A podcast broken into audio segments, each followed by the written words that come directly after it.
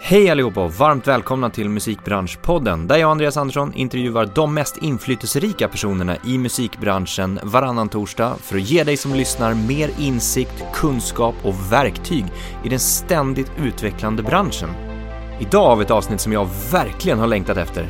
Jag gästas nämligen av låtskrivaren och entreprenören Andreas Karlsson. Andreas har ju skrivit världshits till några av vår tids största artister och har nu gått till att bli en av Sveriges mest drivna entreprenörer. Han skriver böcker, producerar musikaler, filmer, har startat flera skolor, föreläser, motivationstalar och mycket, mycket mer. Häng med i ett av våra mest inspirerande avsnitt hittills, fullspäckat med tips, idéer och tankar.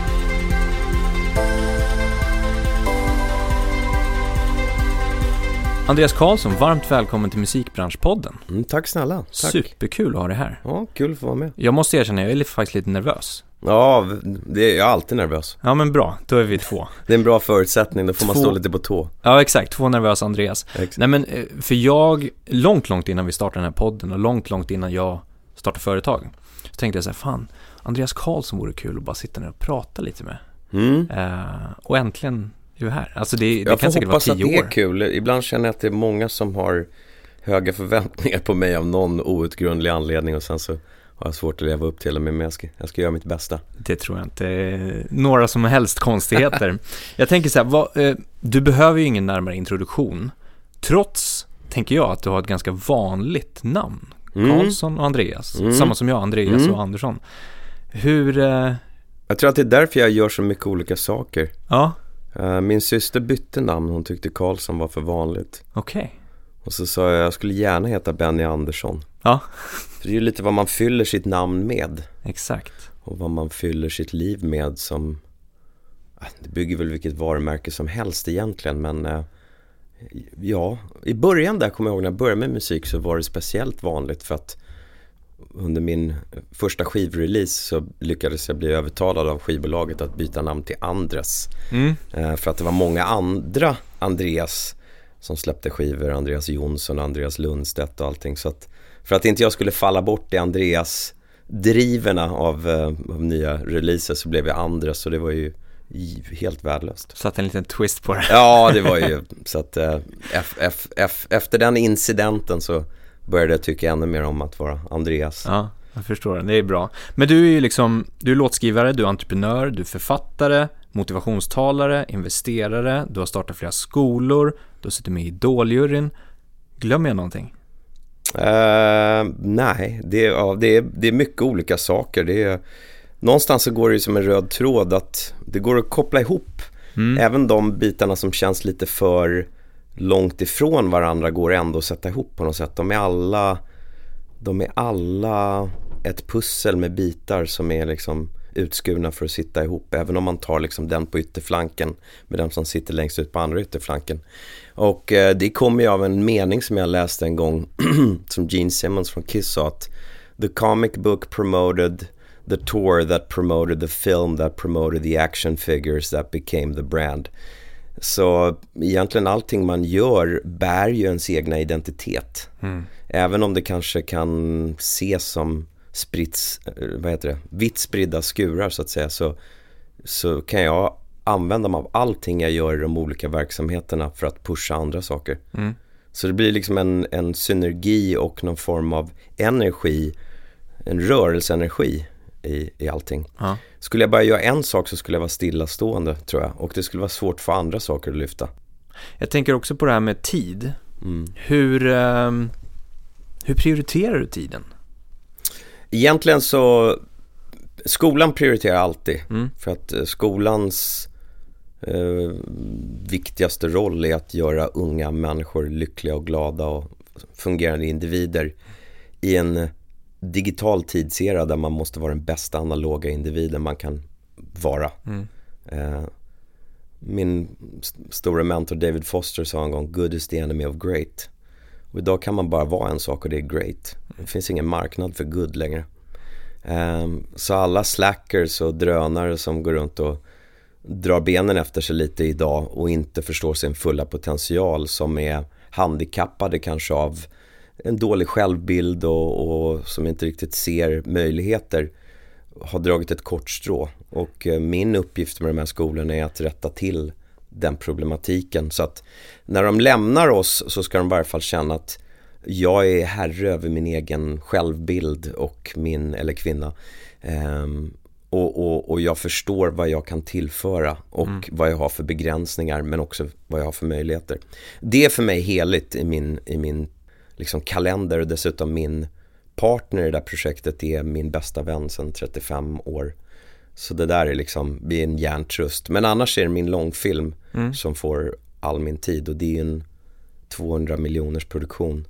Så den kräver liksom väldigt mycket attention. Så jag har ju varit i USA på heltid och jobbat med den nu. Men om vi går tillbaka här nu då. Eh, du är ju låtskrivare i grunden. Ja. Men när insåg du att du inte bara skulle hålla på med låtskriveri? Alltså det vill säga, när insåg du att du skulle göra andra saker? Vad var den första saken som eh, lockade till det här entreprenörskapet? Jag kan väl säga så här egentligen att jag valt en visionär entreprenör ehm, och jag eh, jag såg inte ett företag framför mig när jag var 15 år, jag såg ett liv. Ja. Och jag såg en, en verkstad som jag ville jobba i, där jag själv var liksom boss. Och sen så tittade jag åt höger och där satt en spegel och så funderade jag på killen som står framför mig där, hur kommer han snabbast till den här äh, verkstadsgolvet, den här egna industrin som, som spottar ut drömmar och skapar en fantastisk tillvaro. Då såg jag att jag var inte byggd för sport. Men äh, jag hade ju ett visst intresse för musik och jag tänkte på något konstigt sätt, om jag gör det här på det här sättet så kommer jag förmodligen tjäna nog med pengar för att på ett ganska snabbt sätt komma till den här fabriken. Mm. Så det var inte så att jag, visserligen jag älskade Kiss, jag älskade musik och allt, men det var nog snarare så att jag var entreprenör och visionär som valde musik som ett uttryckssätt. För jag var exakt lika intresserad av reklam och eh, marketing egentligen redan när jag var liten. Så att det blev liksom ett sätt att uttrycka då för den där unga entreprenören, ja men musik det är ju små liksom, det är ju små passiva inkomstströmmar som kan liksom bygga någonting eh, eh, dygn runt. Givetvis var jag inte så business savvy men jag, men jag bara hade någon form av idé om att det här kan nog bli någonting. Ja. Och den, den hade liksom ingen fäste i någon verklighet eller någon due diligence eller Det var bara så här, det här kommer funka. Men, och, och då vill jag också understryka att låtskrivare som yrke, det fanns ju inte i Sverige när jag hade drömmen. Men ändå tyckte jag att artist, det var bara en, en, det var bara en busshållplats på väg till något annat. Det var, mm. inte, det var inte det jag ville bli, utan jag ville jobba med musik, men jag kunde inte riktigt själv förklara för någon vad det var jag såg framför mig. Nej. Provade du det fram då? Nej, jag, jag gjorde någon spelning för en eh, pyttipanna och en back öl. Eh, några stycken eh, spelningar. Och, eh, men det var direkt så insåg jag att studion var, det var liksom mitt hem. Ja. Någonstans där så visste jag att de där idéerna, de kunde få någon form av bärkraft, någon värde någonstans. Och sen var jag tyvärr tvungen att sjunga och agera ut de här idéerna på eget på, på, egen, på egen hand då. Det var ju det visste jag ju redan från början att det här är inget bra. Det här är inte rätt, rätt uttryckssätt. Men det här med, eh, du pratar om fabriken och målsättningen på något sätt. Um, och jag vet ju att du är ju väldigt intresserad av motivation och målsättning precis som jag. Uh, hur tänker du när det gäller målsättning? Sätter du konkreta mål och delmål eller jobbar du mer med visionen och idén? Alltså, man kan ju inte göra annat än att sätta ett mål egentligen för att det är sällan det blir som man har tänkt sig ändå. Det är väl en av de mest kloka meningar som någonsin har satts ihop är väl Life is what, what's happening to you while you're making other plans. Exakt. Så att um, livet har ju sin, sin egna gilla gång och det, det kan ju vara både fördelaktigt och negativt för att livet drar ur proppen när, när, när livet så bestämmer att nu går jag en annan väg och sen får man bara följa med varken man vill eller inte. Men det är klart att man sätter mål, det måste man göra. Man måste sätta, ge sig själv lite rimliga tidsramar kanske.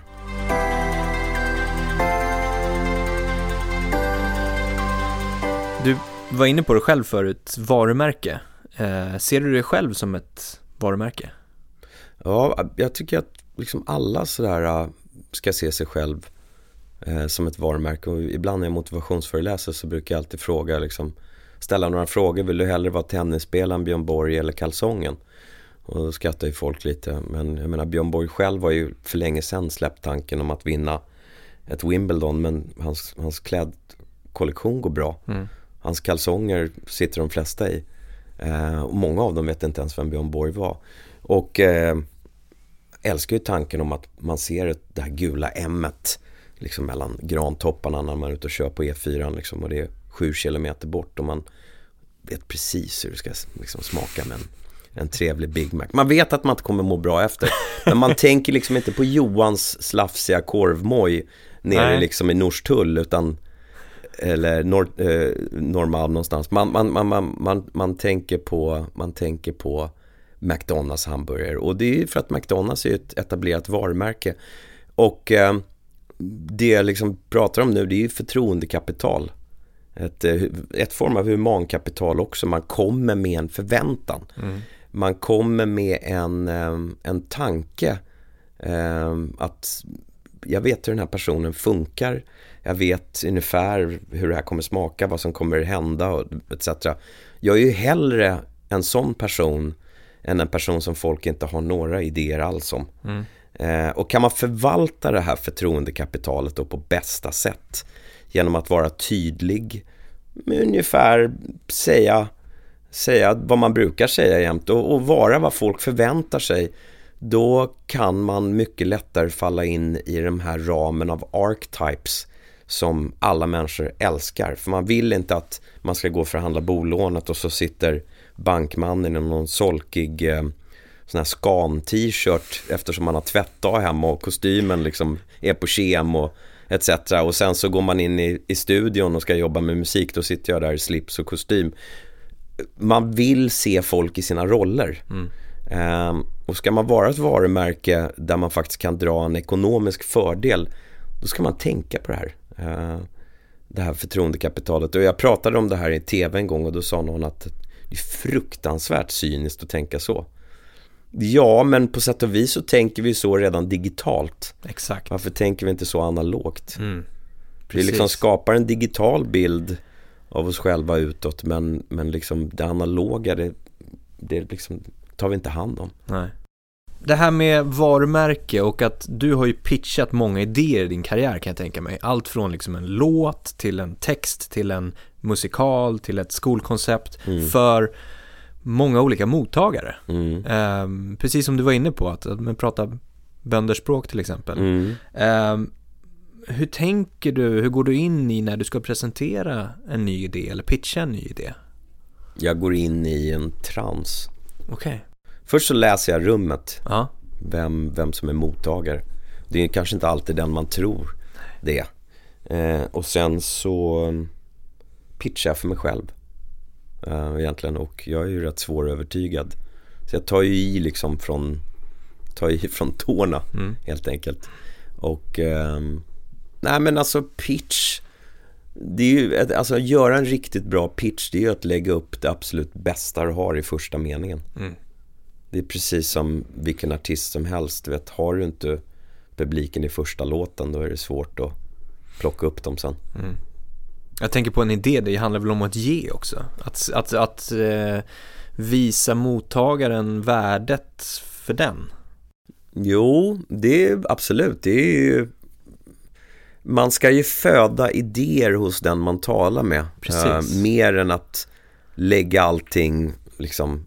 Jag är sällan, jag är sällan med med några powerpointar eller, eller liksom jag förbereder mig sällan faktiskt. Jag går bara in och kör. Ja. Men då är det säkert för att du har redan gått igenom det mycket, mycket i huvudet. Ja, eller, eller inte. Okay. Jag har väl en känsla för hur det borde vara. Ja. Ehm, och säljer där utifrån så att säga. Ja. Men det är ju samma sak när man skriver en låt. Jag menar, man kan ju bara, man kan ju bara visionera om då hur, liksom, hur mottagaren ser ut. Jag får mm. ju aldrig träffa mottagaren. Ska jag göra en låt till Broadway så vet jag att personerna som sitter där är liksom medel, medelålders amerikaner, du vet från andra stater som åker till New York och, åker runt på en sån här dubbeldäckare och tar bilder på liksom Frihetsgudinnan och, och du vet allting och sen så ser de en show i på Broadway. hur, må, hur känner de? Vad vill de lyssna på? Mm. Samma sak när man gör I want it that way. Hur, hur ser den, det fanet ut? Vem, vem är din liksom core-mottagare så att säga? Mm. Och det är det där, den där tanken om att tala i rubriker och, och, och så vidare. Använda, använda all, alla knep som är i låtskriveri då, allitteration, eh, contrast of opposite. Eh, alla de här sakerna som folk reagerar på, som sticker ut och som har stickiness. Det är ju samma sak i en poplåt, i, i en pitch, i en eh, pres presentation. Det är precis samma regler liksom. Om du istället får tipsa andra om man ska pitcha en idé, vad är det viktigaste att tänka på? En idé, en låt, en eh, affärsplan eller vad det nu skulle kunna vara. Har du något tips sådär? Att, men, tänk på det här, eller gör det här, eller fokusera på det här. Nej, men om man skulle säga så här, vad, vad borde man spendera sin tid på? Mm. Liksom om man skri skulle skriva, skulle skriva upp liksom en fem punkter, nu vet jag inte om jag har de fem punkterna i huvudet. Men då skulle jag skriva ett, vad gör mig lycklig? Mm. Hur vill jag förbruka min tid? Två, det som gör mig lycklig, lycklig, är det globalt skalbart? Tre, kan min idé om att vara lycklig också generera en passiv inkomst? Fyra, hur långt kan det här sträcka sig över tid? Fem, vad kommer det här kräva utav mig? Mm. Jag skulle rangordna den här tanken på de fem sätten. För att när du ska komma till en person då som har lite liksom, djupare fickor än dig själv. För att oftast så kan man bara ta en idé så långt.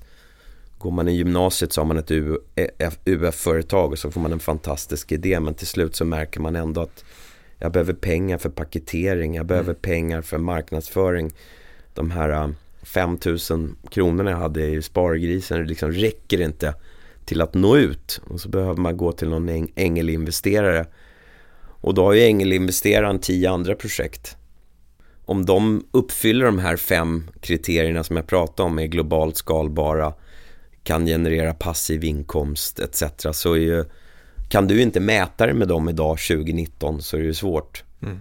Uh, givetvis finns det briljanta idéer som faktiskt har mer med För det låter bara som jag talar om digitala applikationer nu För det är Startar ett Uber till exempel Min idé är att folk ska använda sina egna privata bilar och plocka upp folk mellan punkt A och punkt B Och sen så finns det en skalbarhet och det här går att göra över hela världen så den är ju Den går inte att tävla med Nej. Du kan inte säga att jag ska göra liksom strumpor eller korv eller och sen så ska jag jobba fysiskt ut det runt om i världen. Det, den där digitala idén vinner ju alltid. I varje fall om du talar med en, en krass pengaperson som sitter framför dig. Så det kanske finns någonstans mitt emellan. Mm. Men framförallt, du måste tro på din produkt. Och du måste tro på dig själv. Bibeln, som är min mammas favoritbok ehm, och borde vara allas favoritbok, är Know thyself. Det är en, en, en viktig fras från Bibeln. Skulle man översätta det i paketering och, och liksom av sig själv och marketing så är det Believe in your product. Och den bästa produkten du någonsin kommer kon komma i kontakt med är dig själv. Så att har du vad som behövs för att stå bakom den idé du föder, då finns det ju faktiskt en chans.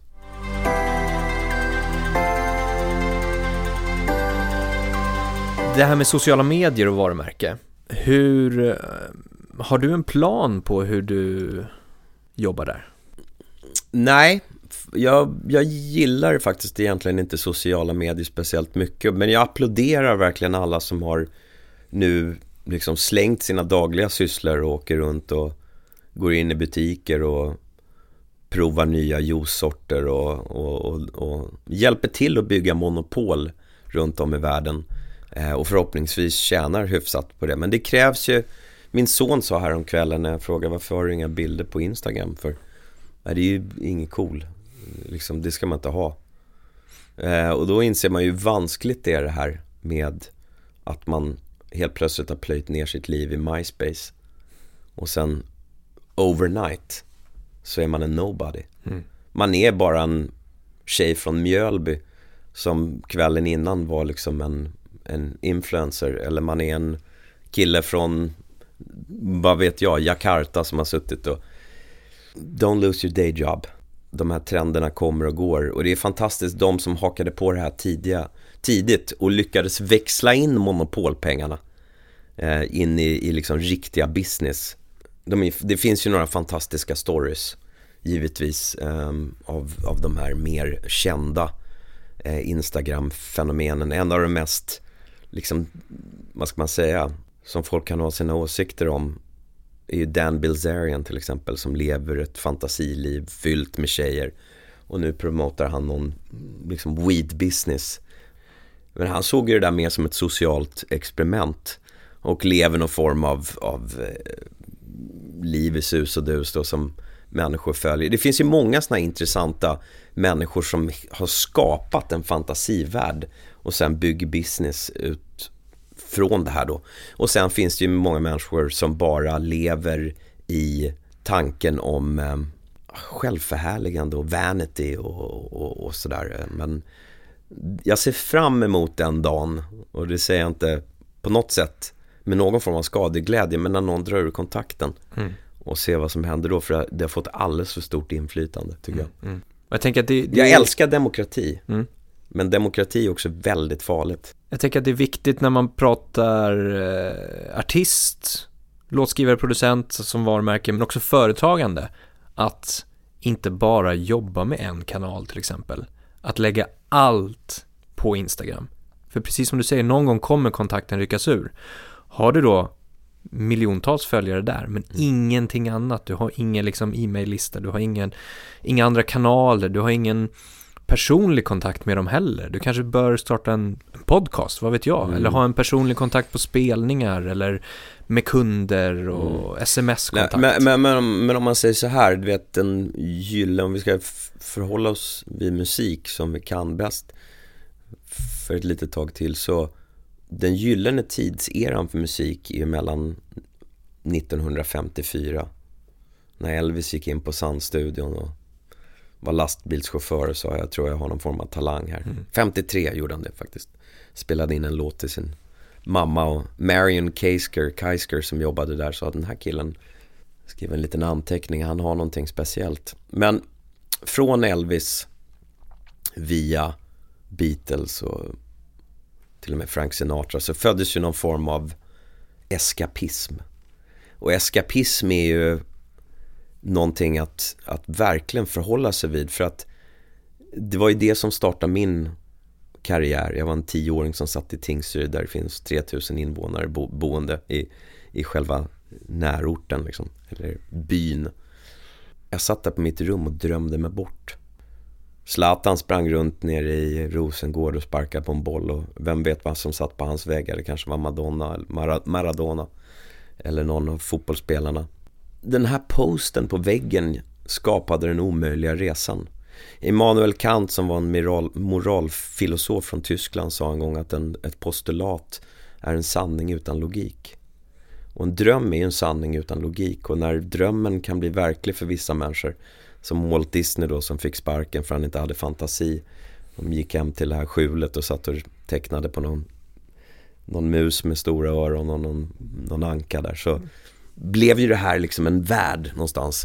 Så att det jag vill komma till att om man inte bygger en struktur runt musik och inte när eskapism och istället bara filma luncher och man ska finnas på tusen olika eh, olika medier och instanser och överallt och framförallt musiken har inget värde så den streamas gratis till människor. Då bygger man inte eskapism och eskapism är nummer ett i att bygga ett musikaliskt brand. Eh, finns det ingen mystik och finns det ingen liksom undra hur det ska bli med allting och wow, det här är liksom, posten ska ju sitta ovanför sängen så när man öppnar ögonen ska man titta upp på den här fantastiska skapelsen eller människan eller och det här kommer ju, kommer ju från liksom tankarna om solguden och stam, vi, vi, liksom, vi lever ju gärna i en tribe där vi jämför oss med varandra och vi pratade lite om Sverige som land, man har 80% medelklass och medelklassens stora akilleshäl är att man tittar över staketet och White Picket Fence och ser att grannen har köpt ny bil och man utvecklas inte utan man jämför sig och sådär.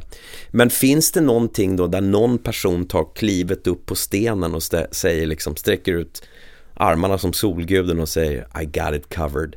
Då vill vi gärna som folk sluta upp och man får egna idéer, man får egna drömmar. Så att, att platta ut musik och ta bort Elvis och John Lennon och Paul McCartney och Prince och eh, Michael Jackson och Madonna och U2 och bara liksom det ska vara social media och, och flöden och ganska ordinära människor som, som gör rätt ordinär musik får vi säga. Det är ju tyvärr slutet på en epok som man kan kalla den gyllene eran av musik. Och det, med det vill jag inte säga att det inte kan bli en annan form av epok.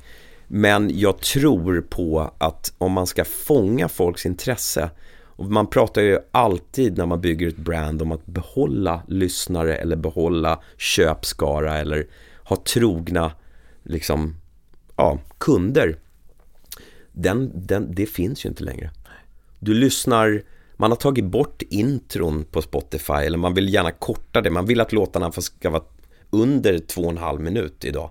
För att folk bara, liksom, ungefär som en jättebuffé. Man äter en tugga, som slänger man, så tittar man någon annanstans. Det finns för mycket. Mm. Eh, och det, det drabbar ju givetvis alla fantastiska kreatörer då som ska eh, liksom vada runt i den här, liksom, vad ska man säga, stora jättesjön av av bara content. Där egentligen ingenting har tagit speciellt lång tid. Det finns ju inga thriller idag, det finns inga Purple Rain, det finns inte de här skivorna som fick ta fyra fem år att göra. Med liksom mästerverk, The White Album med Beatles. Det kan jag tycka är synd. Mm.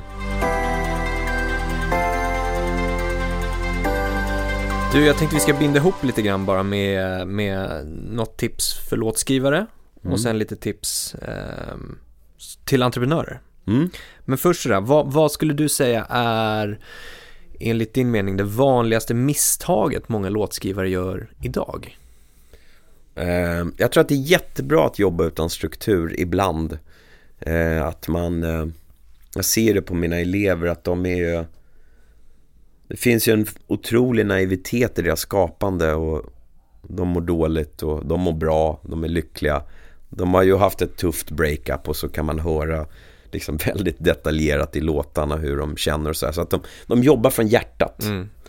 Men, eh, men det är ju också vanskligt om man ska någonstans återupprepa succéer. Om man ska eh, bara inte, alltså det ska inte bara vara personligt utan man ska tilltala massor med människor så behöver man nog applicera formler, man måste applicera någon form av struktur på sitt skapande. Mm. Eh, och det finns ju massor av olika regler för hur man gör det. Eh, så att jag tror att man ska vara lite nyfiken eh, på de här reglerna och de har ju skrivits av eh, många kända upphovsmän eh, som använder dem och eh, en av de viktigaste reglerna är att veta var man är på väg. Det finns ju en stor skillnad mellan att vara en vagabond och en liksom van resenär. Mm, mm. Man har koll på passet, man har den här overnight-bagen packad på ett visst sätt. Man vet precis hur man liksom ska ta sig fram. En, en vagabond är inte på väg någonstans. Färdas lite efter väder, väder och vind. Så att eh, givetvis i, i, en låt då så är det konceptet. Mm. Det är din resplan. Mm. Titeln utifrån titeln så kan du skapa en container, en kontext för både sound, produktion, musik, melodi och text. Mm. Um, och därifrån så finns det ytterligare ett regelverk av olika um, knep hur du jobbar med folks undermedvetna. För en hit är ju inte en hit för att du skriver på näsan på människor att det här, nu ska ni, för gott folk ska ni lyssna här och höra. Utan en hit jobbar ju alltid med det undermedvetna och den mm. träffar ju liksom någonstans i mellangärdet och man vet faktiskt inte varför man tycker om den. Man bara tycker om den. Mm. Och eh, där får man ju knäcka någon form av livskod hos lyssnarna. Mm. Och eh, det stora arbetet som kompositör är givetvis att förstå alla de här hantverken och alla de här olika knepen för att kunna återreproducera eh, musik gång på gång på gång på gång. Och min stora mentor Desmond Child, han hade haft sin första USA-etta. Eh, och den hette Living on a prayer med Bon Jovi. Och eh, hans mentor i sin tur, då, Bob Cruz sa Yeah, but for how many weeks? Någonstans så låg det ju en tanke i det där att alla kan bli framgångsrika en gång. Mm. Men kan du bevara framgången så måste du känna till reglerna. Mm. Och det är en annan podd. Mm, ja, exakt. Det tar vi imorgon. Men du, om man istället inspireras av dig och känner så här, men jag har ju också massa idéer och jag är väldigt sådär driven entreprenör. Eh, vart ska man börja då någonstans? Välj en idé mm. till att börja med. Mm. Eh, jag är ju för, alldeles för yvig själv. Folk blir ju, frågar ofta mig så här, kommer du ha tid att dedikera till den här idén? Och det säger jag alltid att jag har, och det har jag oftast, men är man en ung första gångs entreprenör som ska ut med något så validera de tankar som finns. Liksom, vad, vad kan vara mest appellerande för, för en annan person nu som jag ska prova den här idén på. Framförallt, där har du ju en stor nyckel, prova. Mm. Gå in och pitcha människor, pitcha killen på 7-Eleven, pitcha killen i, tjejen i busskuren. Vet du vad? Jag måste bara testa en grej. Jag har, jag har en tanke här. Eh, och så, den här tanken, om den är jättegenial så måste du givetvis vara lite vag. Är den, är den också genial och du ska ut och pitcha den så kanske du ska ha en sån, sån NDA med det som är en, en non-disclosure agreement där de som lyssnar på det faktiskt inte tar din idé. Mm. Um, det är viktigt. Det kan en jurist eller det kan du säkert hitta en schablon på, på nätet om du tycker att det finns en sån höjd i din tanke att folk som lyssnar faktiskt bör skriva på någonting för att skydda dig själv och skydda dem. Eh, men annars prova, pitcha, mm. pitcha, pitcha, berätta, berätta, berätta. Är det musik, spela, spela, spela och börja liksom inte högerfoten gå och du, du börjar se ett nickande i takt med din låt så kanske inte den var så bra. Jag vet, för dig är det bästa du någonsin har skrivit och den är helig och du kommer inte förändra någonting i den men sitter folk och somnar i liksom andra refrängen då gå hem och göra om. Vad är musikens värde? Musikens värde, om man säger så här att det finns ju bara en organism på planeten som kan röra sig i takt. Och det är människan. Vi kan alltså öka från att befinna oss ett BPM till att öka och sen kan vi sänka. Vi kan alltså jobba i takt med varandra. Det finns liksom en, en icke-verbal kommunikation i musik. Vi vet att fåglarna innan man för en 7000 år sedan hade gjort den första lergöken eh, i de här mesopotamiska kulturerna kommunicerade genom en form av fågelkvitter då som vi imiterade till sång. Mm. Vi vet alltså att, att musiken förmodligen är en urkraft i människan och som är en av våra absolut starkaste vibrationer. Vi vet att en poplåt är ett mycket starkare budskap än, än någon politisk slogan eller någon, något marketingknep eller någonting annat. Vi kan få liksom en miljon människor, du och jag, att röra sig lite konstigt på en fredagkväll i Abu Dhabi, Jakarta, Singapore, New York, Manchester och Köpenhamn. Det finns alltså en enorm kraft i musik. Vi måste vara otroligt rädda om den kraften. För i den kraften så finns våran framtid. I en framtid där allting har blivit digitalt, där vi har tappat bort oss själva i vad som är mänskligt och på riktigt så måste vi ge musiken verkshöjd. Vi måste ge de människor som har vigt sitt liv åt att skapa eh, musik en rätt att få betalt för de tiotusentals timmar de har plöjt ner. Och vi måste förstå som japanerna förstått att kultur är livsviktigt. Du ska ju få ställa en fråga till nästa gäst också. Yes. Vad vill du ställa för fråga då? Vem är nästa gäst? Det får du inte veta. Det får man inte veta. ja, jag antar att det är eh, någon inom musikbranschen. Så att eh, då skulle jag vilja fråga, vad tror denna gäst är? Framtiden för branschen? Hur ser den ut om tio år? Vad, vilka förändringar kommer ske? Vilka spelare kommer vara störst inom musik om tio år? Härligt. Andreas, stort, stort tack Tack för själv. Jättetrevligt samtal. Ja, tack själv. Det gick ju bra trots nervositeten. Ja, exakt. Hos jag, båda. Jag satt här och skakade lite på överläppen, men det var ingen som såg. Precis. Lycka till med eh, filmen. Tack snälla för det. Stort, stort tack för att du har lyssnat och har du tagit igenom dig hela avsnittet så betyder det att du är viktig för oss. Vi vill jättegärna ha din åsikt. Vilka ämnen är du mest intresserad av? Vilka personer skulle vilja höra i podden? Vad är dina utmaningar? Kan vi hjälpa dig på något sätt? Hör av dig till oss eller direkt till mig på andreas at dmgeducation.se så hörs vi av. Ha en fortsatt härlig dag.